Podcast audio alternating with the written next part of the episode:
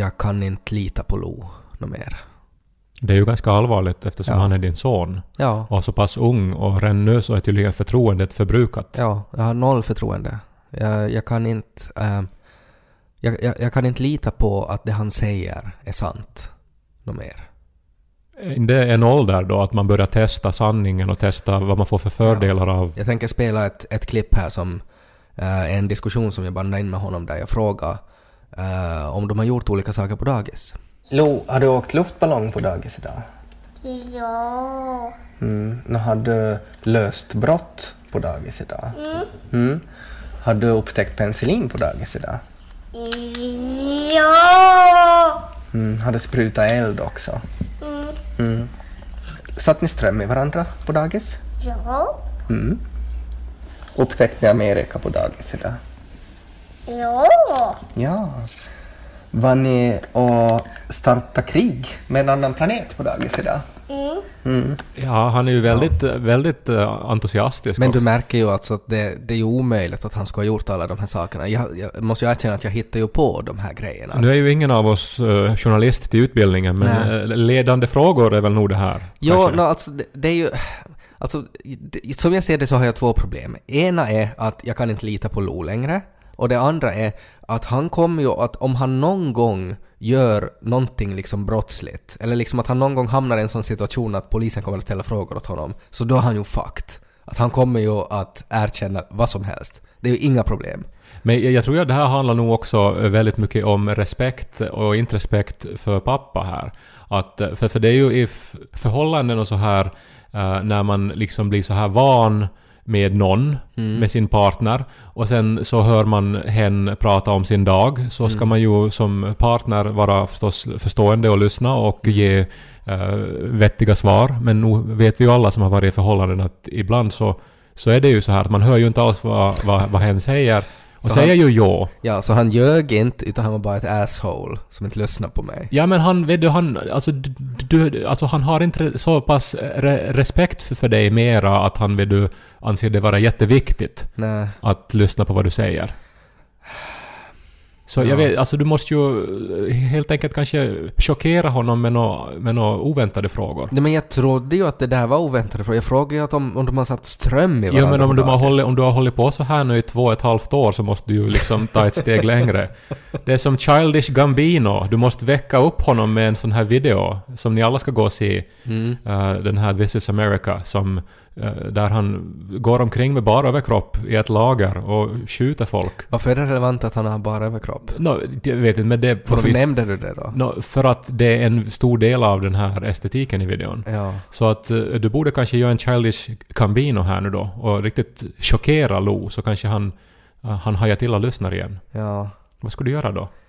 Nej, jag skulle ju måste göra en likadan musikvideo men det skulle inte vara liksom att this is America utan att det skulle på något sätt vara att... This is dagis. så går du omkring och klottar på väggarna Rising on the walls, this is a doggies. och gör liksom trolldegsfigurer som du sen krossar under foten. Ja. Det är ju alltså, när man tittar på den där videon så det är ju, det är ju lite sådär att sådär är det ju på dagis. Alltså att någon springer omkring i bara överkropp. Där är en häst som galopperar i bakgrunden. Bilar brinner och sådär. Och så blir folk avrättade. Ja, det beror väl på dagis det där också. Jag minns bara mitt dagis så var det ju, alltså dagligen så var det någon som sprang under en sån här gran som fanns på innergården och bajsade där. Alltså en julgran. Nej, det var som en gran som växte på gården. Och så var det någon som for dit och bajsade. Ja, och det var alltid liksom bajs där under. Och jag Men- vet inte om de någonsin redde ut vem det var. Men det är ju klart att de måste ha vetat vem det var. Nej, jag, jag hade ingen aning och det var ett sånt här samtal Men det var väl det där barnet som alltid när det var så där att nu far vi ut så sprang det ilfart dit. För att det hade hållit sig hela dagen. Ja, men det är ännu i denna dag för mig ett mysterium vem det var. Ja. Men det är ju någon som är i min ålder nu, som kanske lyssnar på den här podden. Ju Som kanske har haft den här hemligheten. Granbajsaren. Det är ju väldigt intressant för jag tänkte ta upp också idag att, att jag såg en, en sån här studie att, att nu är det bevisat att, att barn som går i dagis liksom från ganska ung ålder så att de klarar sig bättre i skolan. Att, att man i princip kan konstatera att de blir liksom bättre människor, att de är smartare människor. Men att om man sen liksom då som dagis är känd som granbajsaren, att jag vet inte liksom att hur, hur den kunskapen på något sätt ska hjälpa en i lågstadiet. Ja. Åtminstone blir man ju tydligen blasé i dagis.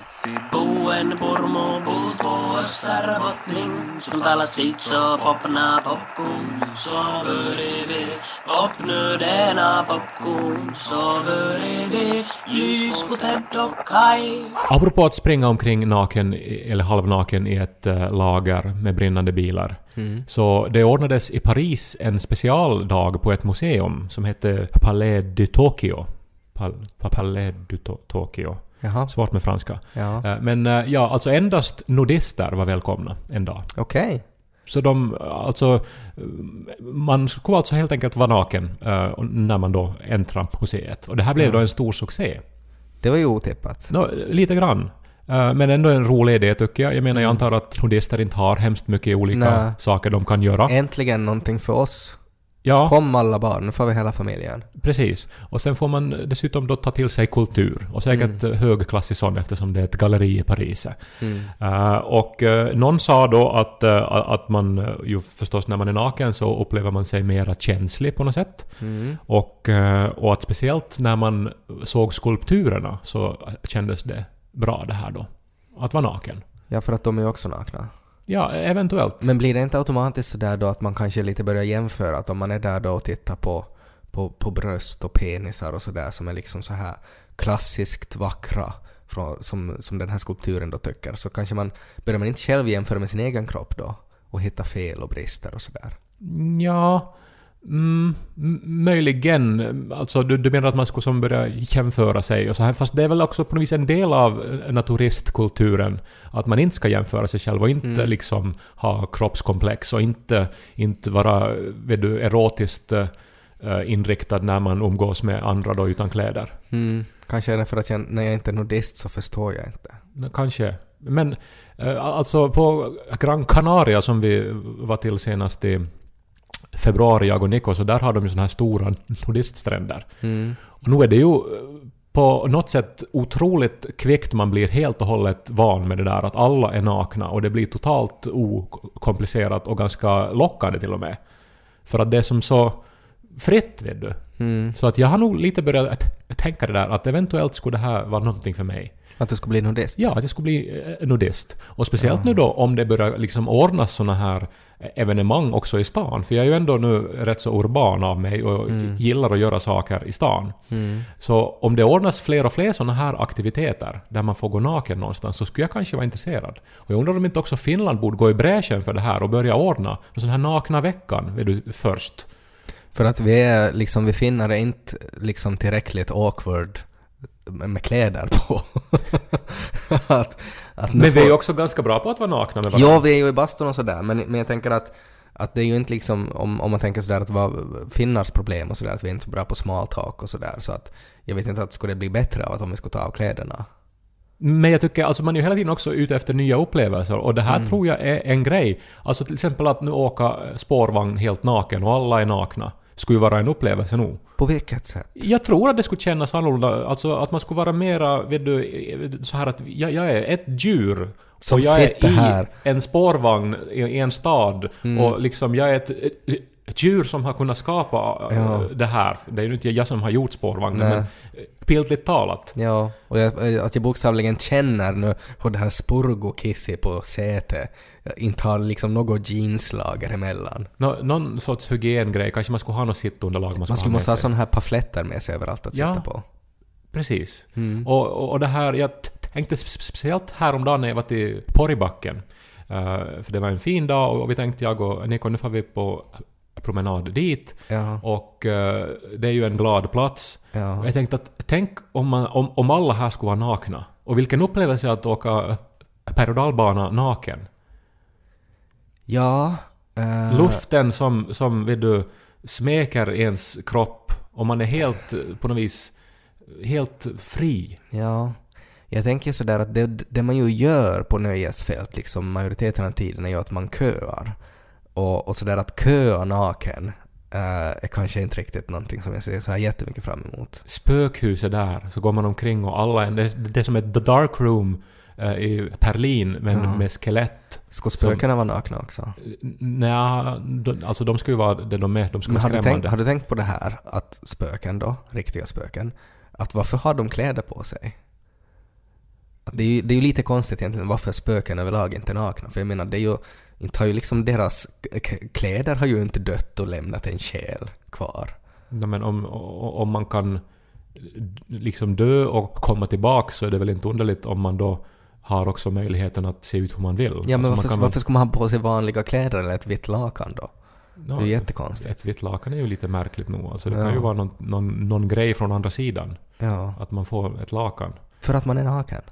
Ja, nå, men i alla fall. Jag är helt pro det här. Jag tycker nakna veckan, jag tycker Helsingfors ska kunna gå i bräschen för det här. Nakna veckan, alltså istället för svenska veckan. Ja, ja, men exakt. Det finns ju veckor för allting. Man skulle kunna ordna, alltså ta alla liksom de här evenemangen som ordnas i Svenskfinland, men att man bara gör det liksom nakna. Liksom nakna popkalaset. Nakna stafettkarnevalen. Okej, nu kanske inte stafettkarnevalen, men att ändå, att det är liksom det som är din devis. Nakna fiskmarknaden på salutorget.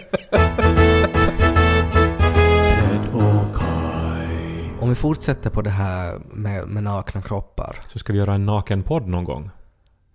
Jag blev helt på det här nu, att vara naken. Att vi, att, att, att vi sitter Men helt... varför ska vi göra det? Nej, men för att se om det ändrar Nej, men på klart podden. att det inte ändrar. Klart, Alltså, nu, om jag alltså, ser på dig här nu som mitt i allt skulle vara naken så Nej, men- skulle jag ju kanske vara mera, alltså vill du, själsligt naken Nej, men också. Du skulle bara skämta mer om min kroppsbehåring antagligen. Nej, men, det, det är ju snyggt med kroppsbehåring till någon gräns förstås. Ja, vi, vi, kan, vi kan spara på den idén. Eh, jag är väldigt inriktad på, på nordisk mytologi just nu. Jag håller på och läser eh, den här Neil Gaimans eh, bok, där han har liksom samlat egentligen alla de här sägnerna av nordisk mytologi. Men Alltså, med Neil Gaiman då? nej men Kai Korkea Aho. Han är ju en otroligt känd författare, Neil Gaiman. Han skriver såna här drakar och, och Nej, du måste veta... trollkarlar och Nej, sånt. du, Neil Gaiman så känner man nog till. Ja, okej, vi Ja. säger det då. Ja, nå i alla fall. vet inte alls vem det är. Neil Gaiman, så han har gjort en... eh, alltså, eh, egentligen som en sorts roman, men jag vet inte riktigt vad jag ska kalla det. Alltså, han har samlat...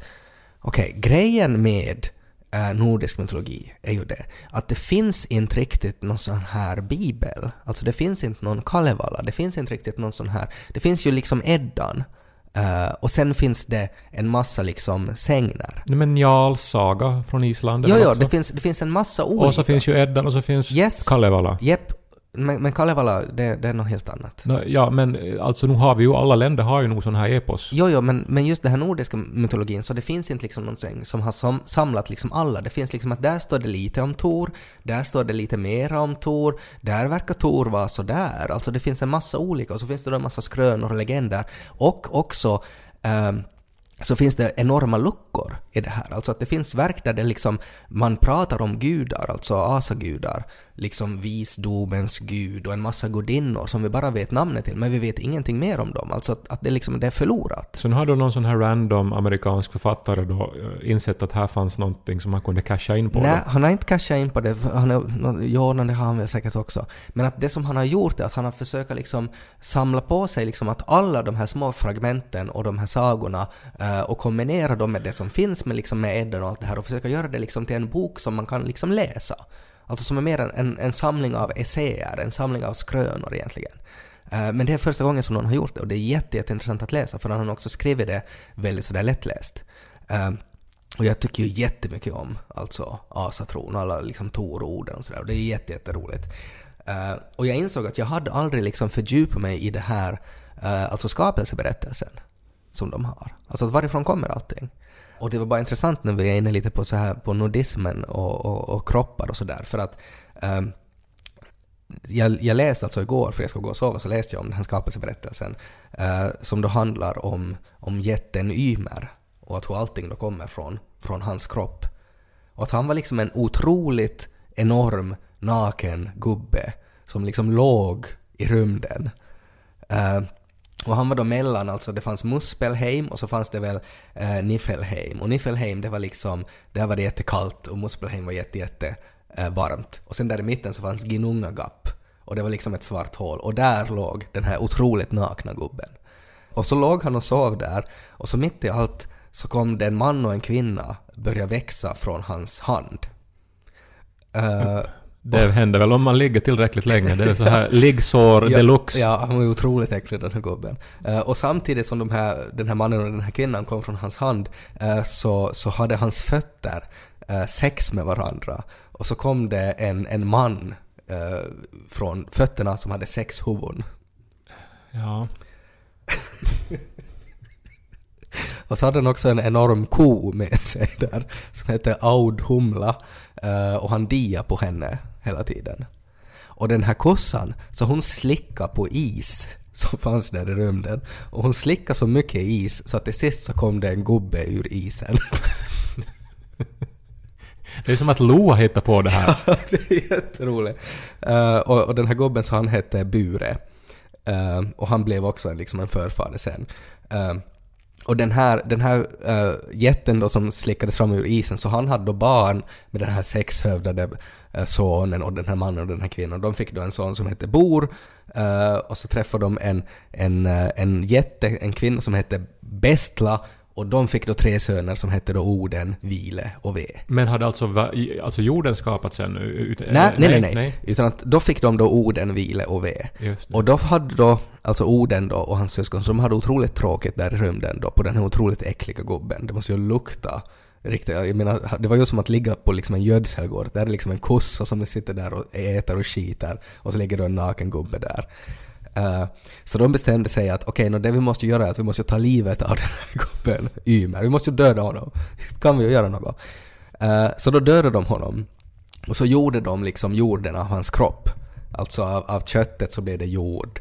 Eh, och av blodet så blev det vatten och av benen så blev det berg och sådär. Och hans blod, så det liksom forsade så otroligt kraftigt så att det dränkte typ alla de här muterade monstren som hade liksom kommit från hans kropp. Mm. Och därför har vi, och där- därifrån liksom kommer jorden. Nu är det ju enklare med att i begynnelsen skapade Gud himmel Nej men och jag jord. tycker, alltså, jag tänker, och det är Kristi himmelsfärd också, och jag tänker sådär att nu är ju det här mycket coolare, alltså nu är det ju så otroligt mycket häftigare, alltså den här asatron, än den här otroligt tråkiga kristendomen. Ja, men nu är den ju mera drogromantisk. Alltså det där är ju riktigt en sån här trip, en eh, bad trip liksom. Ja, men det är gone ju, wrong. ja, men det är ju jätte, jättebra. Men allt startade från en överviktig farbror som låg och sov tills det började växa människor ur hans fötter och händer. Med sexhuvuden. Och den mannen hette Horace Engdahl.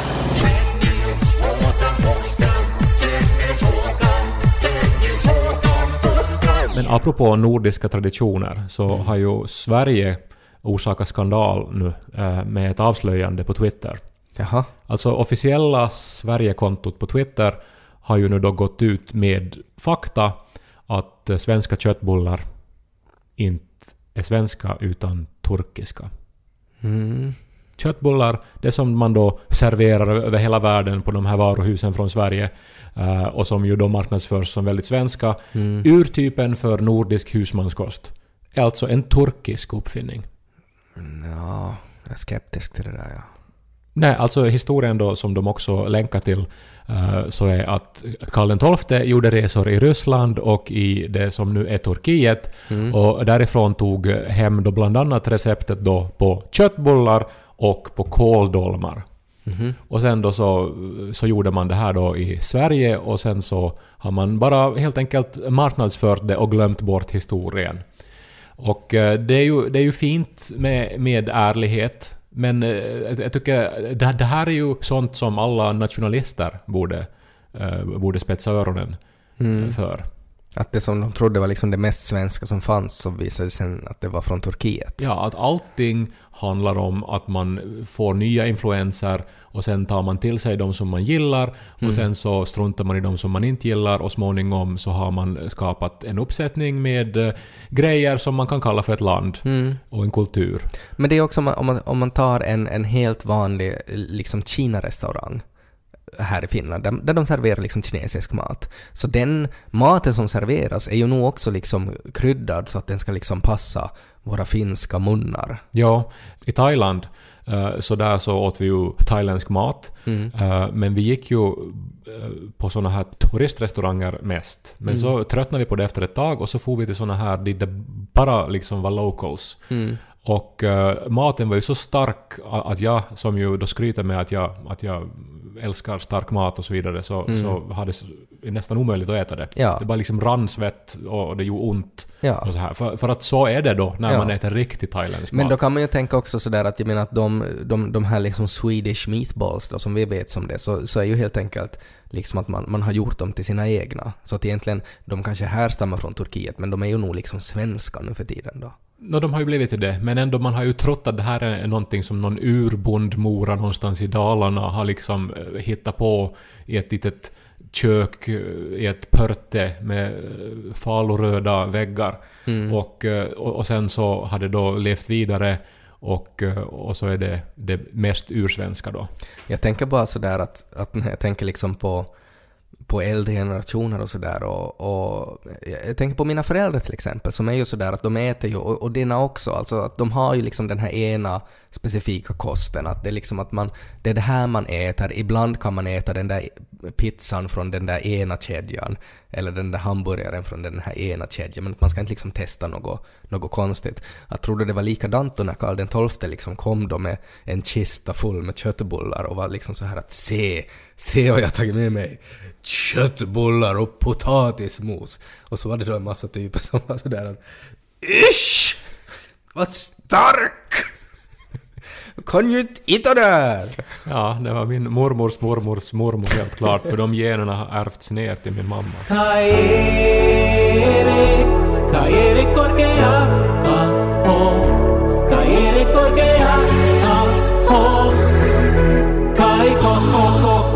Ho. Men det är faktiskt, alltså jag har tänkt mycket på det här, vad som är genuint eh, någonting som hör till ett land och vad som sen är någonting nytt som försöker ta dess plats.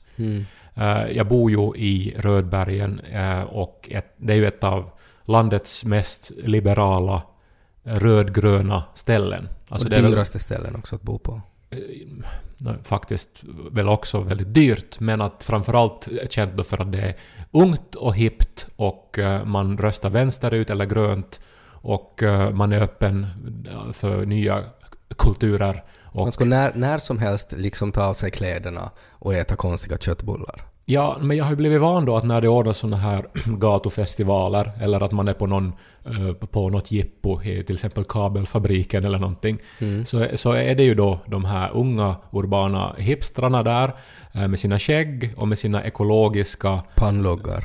pa- pannluggar och eh, de bjuder då eh, på, på mat och det är ju alltid någonting man aldrig har hört talas om och det är ju alltid veganskt.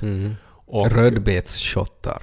Ja, och sen så är allting, vet du, när man får det på sitt fat så är det ju inte en, alltså det är ju absolut inte plastbestick och ett Nej. engångsfat. Utan det är liksom ett löv och sen är det liksom träpinnar som man äter med, som ju då förstås förmultnar helt. Och så, ja, allting vet du sorteras. Och det doftar ingefära. Ja. Så är det ju. Ja. Men nu får jag då till Hagnäs torg, där, där det var liksom månadsmarknad i söndags. Och där var Ben Suskovic och, och, och, och åt plättar. Och vi satte oss ner. Och Var du åt- dit med honom alltså? Nej men vi satt nu bredvid honom bara. Vi sa ingenting. Det lät bara när du sa att där var han och vi satte oss ner. Okej, men han var där och åt plättar. Ja, men... Sa han inte att vara på bra humör då? Var det liksom goda plättar? No, det var helt bra plättar. Vi är bara lite arga på honom för att han röstar mot den här Han är politiker måste vi ju säga då. Ja, han är samlingspartistisk po- politiker, sån här Mm. väldigt gammal i gamet som det heter. Eh, och var en av dem från Samlingspartiet som röstade mot den här nya äktenskapslagen. Och det gör ju Okej. att, att man undrar att vad, vad är det för fel på oss Ben Suskovic? Vi äter ju plättar här med dig. Men ni skulle ju ha kunnat börja liksom att medan han sitter där då på sin bänk och äter plättar så skulle ni ha kunnat börja liksom grovhångla med varandra och liksom stirra honom i ögonen. Nej men han får ju tycka vad han vill men jag, jag tycker det här leva och låta leva. Att, Mm. Varför skulle inte vi få samma rättigheter som du har, Ben Mm. Suskovic? Du borde ha sagt högt att var har ni de här bögplättarna? För det är väl bara sånt som vi får äta? Vi får väl inte äta såna här vanliga plättar? Men det, men det var inte egentligen han, jag vet inte hur jag nu nämnde honom det här, men all, alltså när vi vandrade där i den här marknaden så insåg jag ju då bokstavligen vilken bubbla jag lever i där i Rödbergen och i kabelfabriken. Och jag vet ju att det är så, men jag Du, har bara ofta vid tänkt på- kabelfabriken? Ganska ofta, Okej. för där ordnas må- många evenemang och olika mässor och sånt. Okej. Men, men här var ju, vet du, det här var ju så, så motsatsen. Mm. Alltså, det, det, Arbetarna. Och jag är själv arbetare, men jag tänkte på det, det som bjöds ut där. Det var vet du lörtsutt och lihikset. Vet du, så, såna här, vet du, alltså motsatsen till vegansk mat och Ja. motsatsen till hälsosam mat. Och sen var där... Ibland står det bara E-ämnen. Seitsemän euro och sen om parentes 42 mark. Och, och, och så, så, så var ju alltså min, min medelåldern var ju kanske 65 där. Och eh, det här, det var ju... eh, alltså en man som stod och sålde plastpåsar. Och, och, och, liksom det är ju... Det, det, alltså det, det som, Och det var inte, det var inte liksom så här designerplastpåsar utan det var nyttoplastpåsar. Alltså plastpåsar i rullar och att nu hade de då otroliga är- erbjudanden att man fick för typ inga pengar alls fick man så otroligt mycket plastpåsar att man klarar sig resten av livet. Ja. Och liksom, jag tycker att jag har nu levt ändå i den här... Alltså den senaste tre månaderna, det enda folk har pratat om var hur hemskt det är med plastpåsar. Och, och, och alltså... Vi har slutat använda plastpåsar. Eh, överallt så erbjuds det nu för tiden andra sorts påsar. Eh, I kabelfabriken skulle man absolut inte ta, Alltså inget där är av plast. Nej. Och här står en man med som en vagn full med Ja. rullar med plastpåsar. Och säljer åt liksom gamla människor som snart ska dö och tänker att vi hinner nog ännu förgifta planeten några år före vi försvinner. Men det, det blev bara så här, eh, alltså så tydligt eh, Mm. vad vi lever i olika världar också i samma stad. Ja. Eh. Men det är ju just i städerna som det blir, tycker jag, man märker de här skillnaderna. På landsbygden så alla har, alla, alla har liksom lika illa eller lika bra på ett sätt. Men i, lands, i städerna så är här, de här skillnaderna blir så uppenbara. Men f- tänkte du sådär, f- så gjorde du någonting då? Att kunde du på något sätt förena då liksom Ben Suskovic eh, och, och plasthelvetet med på något sätt eh, Rödbergen? Nå, i alla fall så tänkte jag det, att det här är ju det som jag kommer ifrån. Det är ju här jag är uppväxt, alltså på marknaden i Jakobstad. Mm. Bland äh, lörtsytt och lihikset och, Mm. och eh, liksom otroliga mängder kräsa gratis. Mm. Och plastpåsar. Och att det här är ju någonting som, som jag ändå borde kanske hålla vid liv inom mig. Mm. Så att jag inte, äh, vet du, går in i en ny bubbla utan att jag jag skulle kunna bli den här nya generationen som balanserar och ser alla perspektiv. Mm. Och att där, därifrån göra sen beslut som skulle kunna föra landet i rätt riktning. Och härmed annonserar jag min presidentvalskampanj. Jag tänkte säga att, att så här är det när man äter plättar med Ben Suskovic. Hur ska du fira Kristi himmelsfärds då? Nå, jag är ju så otroligt kåt alltid på våren. Så att uh, nu blir det väl... Trodde du skulle säga av, av liksom kristna traditioner. Nej, men det är ju den här tiden på året så då glömmer man bort allt annat utom sin egen kropp. Okej. Så att eh, vi ska väl... Därför vi har pratat så mycket om nudism. Ja, kanske är det så. Ja. Men nu är det ju någonting med den när kroppsvätskorna börjar röra på sig. Och det Men är det- varmt. Eh, Har den liksom att, att när liksom, du blir kåt av våren men jag blir så här intresserad av nordisk folktro. Ja, och det säger väl någonting om heterosex, tror jag. Eh, som vi många gånger har konstaterat i den här podden. Att ju är... Jag vet inte ens om man kan kalla det för sex. Eh, men det här... eh, Du vet inte om man kan Utan kalla- mera en samhällsbärande funktion, för det behövs ju, och vi vet ju alla att det föds för få barn i det här samhället. Ja, men det har du ju väldigt lite med njutning att göra, enligt vad jag har Du förstått kan det. inte säga att du vet inte om du ska kalla det sex. Nej, men det har Heterosexuellt. Väldigt lite med Samlag. nordisk mytologi att göra åtminstone. Ja. Mm. Herrklubbar gillar vi. Där, gör vi där, det? där vet man hur man njuter. ja, men är det inte lite så, på tal om, om eh, homosexuellt sex, är det inte lite så att orsaken varför det inte får finnas kvinnor i här klubbar är för att där tycker de om varandras penisar så mycket och att de vill hålla det hysch-hysch? Det är min teori. Ja, jag skulle gärna berätta, men då måste jag döda dig. Okej. Döda mig sådär på ett sexuellt sätt? eller? eller? Okej, nå, men vi skjuter upp det. Eh, det här har varit Ted och Kai, podden avsnitt nummer 128. Och ni ska gå ut och njuta av våren, kanske med en bra podcast i era lurar. Mm. Eh, Den här podden kommer varje onsdag, finns på Spotify, arenan och iTunes, men det vet ni ju om ni lyssnar. Men ni kan sprida budet så att ännu fler börjar lyssna. Och man kan höra av sig till tedochkai.yle.fi Det kan man. Och eh, nästa vecka får jag till New York. Men vi ska nog hinna banda en podd före det. Mm. Jag ska vara naken. Men så du ska ha sex då på Kristi himmelsfärd? Nå, För du svarar ju aldrig vad du ska göra och hur du ska fira det, men allt tyder på att du ska liksom ha sex. men jag tror jag ska, jag ska älska livet. Ska jag. Och älska våren. Mhm. Älska. Dedokai.